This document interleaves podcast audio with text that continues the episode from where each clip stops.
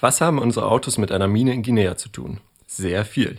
In dem westafrikanischen Land bürgt die Bundesregierung für einen Millionenkredit zum Ausbau einer Bauxitmine. Das Mineral landet in Form von Aluminium in unseren Autos.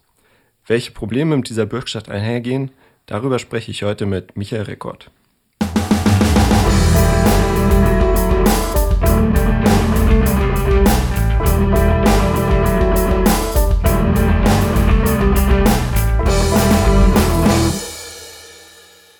Herzlich willkommen zum Kompass Weltwirtschaft. Mein Name ist Nico Beckert, ich bin Pressereferent bei der Berliner NGO PowerShift.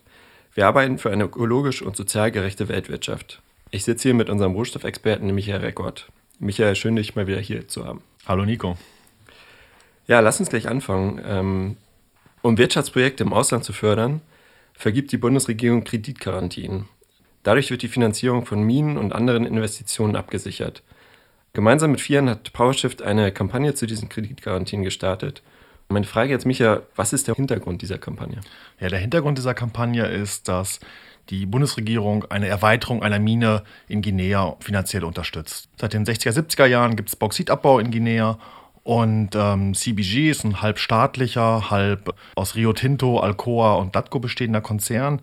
Ähm, plant eine Erweiterung oder ist mit einer Erweiterung, hat er jetzt begonnen und braucht dafür über 800 Millionen ähm, Euro äh, Kredite.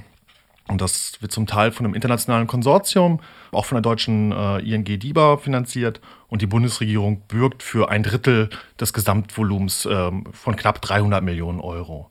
Und das Problem vor Ort ist, dass über 500 Menschen aus 13 Dörfern gerade eine Klage vor der Weltbank haben, weil sie aus ihren Dörfern vertrieben werden, weil ihre Lebensgrundlage sozusagen genommen worden ist, weil sie vom Land vertrieben werden und ähm, weil die Ersatzflächen, die sie anbekommen haben, äh, keine Einkommensmöglichkeiten schaffen für sie. Ja, lass uns da nochmal ins Detail gehen. Vor Ort kam es durch die Auswertung der Mine, wie du gerade schon gesagt hast, zu Vertreibungen und auch zur Umweltzerstörung. Was heißt das jetzt konkret für die Menschen vor Ort? Zum einen, also Guinea gibt es, glaube ich, seit den 50er Jahren Bauxitabbau. Guinea ist der drittgrößte Produzent von Bauxit auf der Welt und hat, glaube ich, ein Drittel der weltweit bekannten Reserven. Das heißt, es gibt eine lange Bergbautradition und Guinea ist für 80 bis 90 Prozent des Bauxits, was auf dem afrikanischen Kontinent abgebaut wird, verantwortlich. Und es gibt jetzt ähm, diesen Konzern, CBG, der wird von 49 Prozent vom guineischen Staat gehalten und 51 Prozent hält ein internationales Konsortium der Bergbaukonzerne Rio Tinto, Alcoa und Datco. Vor Ort werden ja, so circa 2.000 bis 4.000 Arbeitsplätze geschaffen. Und diese Mine soll jetzt erweitert werden und die Produktion von, ich glaube, ca. 13 Millionen Tonnen auf 22 Millionen Tonnen erweitern. Das heißt, ein großer Ausbau. Und was bei diesem Ausbau passiert ist, ähm, es werden Dörfer umgesiedelt, Dörfer, die zum Teil seit 200 Jahren dort sind. Denen werden die Wasserquellen genommen, ähm, sie verlieren die Straßen, die Straßen zum Markt. Es gibt einige Dörfer, die sind sozusagen umzingelt von der Bauxitmine. Es gibt Luftbelastung, äh, Luftemissionen, es gibt ähm, Sprengungen. Und eine große Herausforderung ist, dass die landwirtschaftlich nutzbaren Flächen sozusagen verschwinden und auf den, ja, rekultiviert kann man die Flächen kaum nennen, wo sie hingesiedelt werden. Das ist im Grunde ein sehr unwirtliches Land. Also man hat im Grunde keine Möglichkeiten, Einkommen zu generieren über Landwirtschaft. Okay, das sind ja schon echt krass negative Folgen. Ähm, du hast jetzt kurz auch den äh, Zugang zu Wasser angesprochen, dass den Leuten quasi das Wasser abgegraben wurde. Kannst du ausführen, warum das gerade in der Corona-Zeit ein großes Problem auch war? Oder ist jetzt? Ja, ein ganz großes Problem ist, dass im März sozusagen auch Umsiedlungen begonnen haben von 100 Familien. Davon haben, glaube ich, 98 äh, Häuser bekommen und zwei mussten bei anderen Familienangehörigen unterkommen. Das heißt, wir haben zum einen eine räumliche Verdichtung gehabt inmitten der Pandemie und wir haben natürlich ähm, die Herausforderung, dass du ohne Zugang zu Wasser die einfachsten Hygienemaßnahmen nicht einhalten konntest. Also Hände waschen, sich selbst waschen, ähm, auch den Staub und den Dreck abzuwaschen, etc. Und das bei der gleichzeitigen ähm, ja, Verengung äh, der Lebensbedingungen oder der Unterkünfte. Okay, und du hast jetzt eingangs ja auch den Kredit erwähnt, den die deutsche Bundesregierung quasi besichert hat. Kannst du kurz erläutern, was es damit auf sich hat? Ja, ähm, Deutschland ist sozusagen abhängig vom Bauxit aus Guinea. Über 90 Prozent des Bauxits, was wir hier verarbeiten, kommt aus dem westafrikanischen Land. Und insgesamt bürgt die Bundesregierung für ein Drittel dieser Minenerweiterung mit einer Kreditgarantie. Es ist sozusagen ein Instrument aus der Außenwirtschaftsförderung, ungebundene Finanzkreditgarantien. Das heißt, die Bundesregierung stellt damit sicher, dass ähm, die Rohstoffe auch nach Deutschland kommen. Das heißt, eine der Kreditbedingungen ist die Rohstoffsicherheit oder die Rohstoffversorgung in Deutschland. Okay, und warum macht die Bundesregierung das? Also warum mischt sie in so einem recht kleinen und weit entfernten Land, sage ich mal, wie Guinea mit?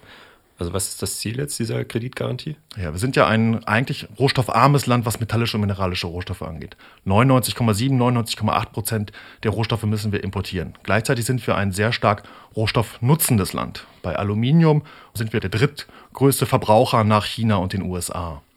Und die Bundesregierung sichert sozusagen mit diesem Kredit oder dieser, dieser Bürgschaft für diesen Kredit, dieser Kreditgarantie, dass ähm, das Bauxit von Guinea nach Stade gebracht wird und dort von AOS, das ist eine Tochter von DATCO, was wiederum an dem Bergbaukonzern vor Ort beteiligt ist, weiterverarbeitet wird zu Aluminium. Und das, dieses Aluminium landet mit sehr großer Wahrscheinlichkeit auch in der deutschen Automobilindustrie, sprich für VW, für Mercedes, ähm, für BMW. Mit sehr großer Wahrscheinlichkeit, weil man die Lieferketten gar nicht so haargenau im Detail nachverfolgen kann, oder?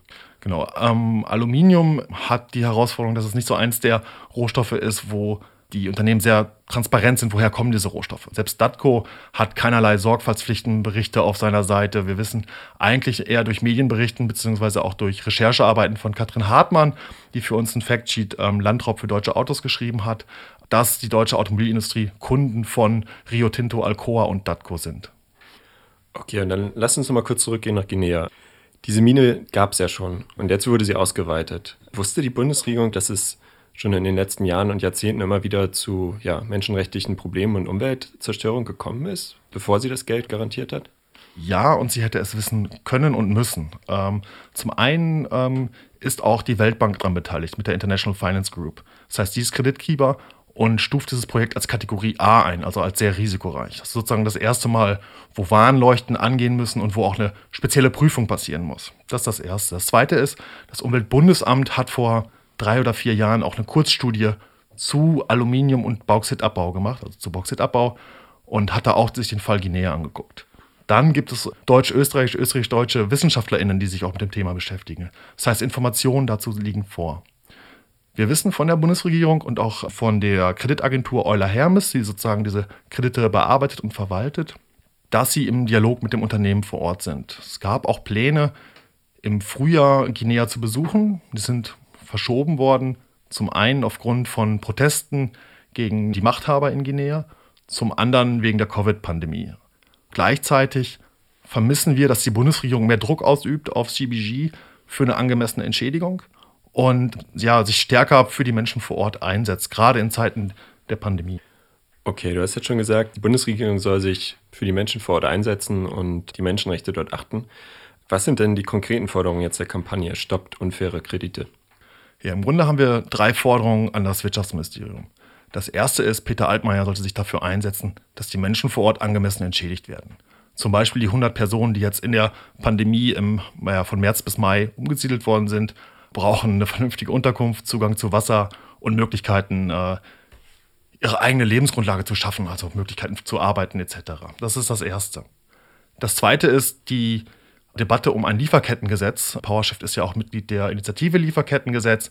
Da geht es gerade darum, dass ähm, Eckpunkte erarbeitet werden und ein Gesetz erarbeitet wird, was vielleicht noch Ende diesen oder Anfang nächsten Jahres äh, in den Gesetzgebungsprozess kommt.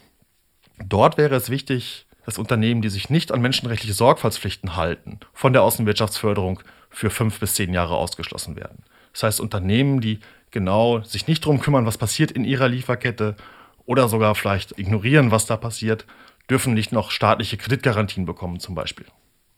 Und der dritte Punkt ist, dass wir von diesem Fall in Guinea wissen, ist ein wenig ein Zufallsprodukt, um ehrlich zu sein.